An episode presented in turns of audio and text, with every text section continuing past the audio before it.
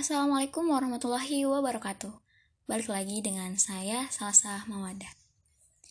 Pada hari ini kita akan membahas mengenai virus varian baru Omicron. Nah, jadi virus corona varian Omicron ini merupakan jenis virus corona yang baru saja ditemukan.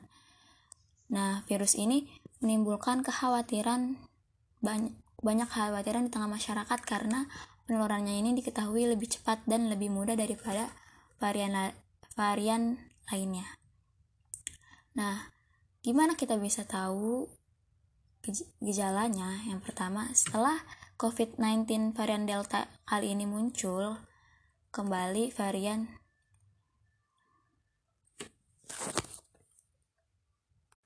Assalamualaikum warahmatullahi wabarakatuh.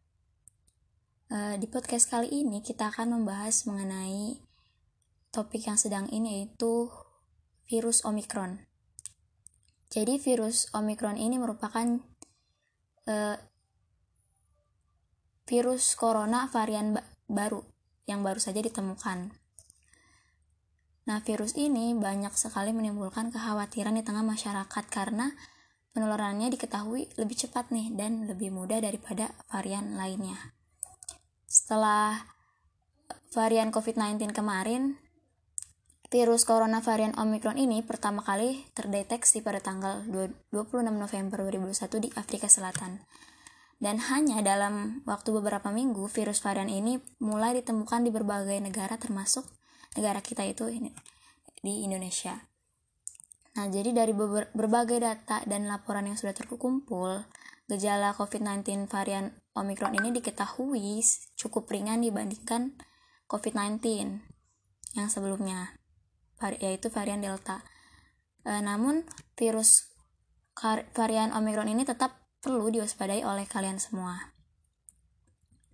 Nah, dalam sejumlah studi mengungkapkan bahwa COVID-19 varian Omicron ini tidak jauh berbeda dengan gejala COVID-19 pada umumnya. Jadi penelitian lebih lanjut tentang COVID-19 varian Omicron ini masih dilakukan untuk memastikan hal ini gitu. Jadi ada beberapa gejala uh, eh, COVID-19 varian Omicron ini yang pertama ada bisa demam, lalu yang kedua batuk, yang ketiga pilek, yang keempat badan itu terasa lelah, yang kelima bisa sakit kepala, lalu sakit tenggorokan, nyeri otot dan gangguan pencernaan misalnya mual, muntah dan diare.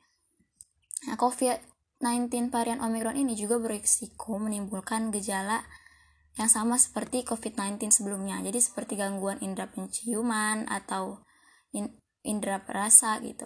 Pada kasus tertentu COVID-19 varian Omicron ini bisa menimbulkan gejala yang lebih berat seperti sesak napas. Nah, hal-hal yang perlu dilakukan nanti ketika misalnya ada yang terjangkit uh, virus COVID-19 varian Omicron. Yang itu tentu yang pertama tentunya kita harus menerapkan protokol, protokol kesehatan yaitu 5M.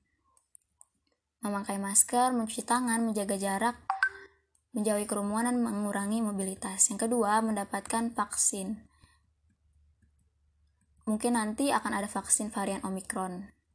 Yang ketiga, menjalankan pola hidup sehat dan mengonsumsi makanan bergizi serta mengonsumsi vitamin C. Nah, mungkin itu saja uh, pengetahuan yang bisa saya berikan kepada teman-teman semua. Kurang lebihnya mohon maaf. Assalamualaikum warahmatullahi wabarakatuh.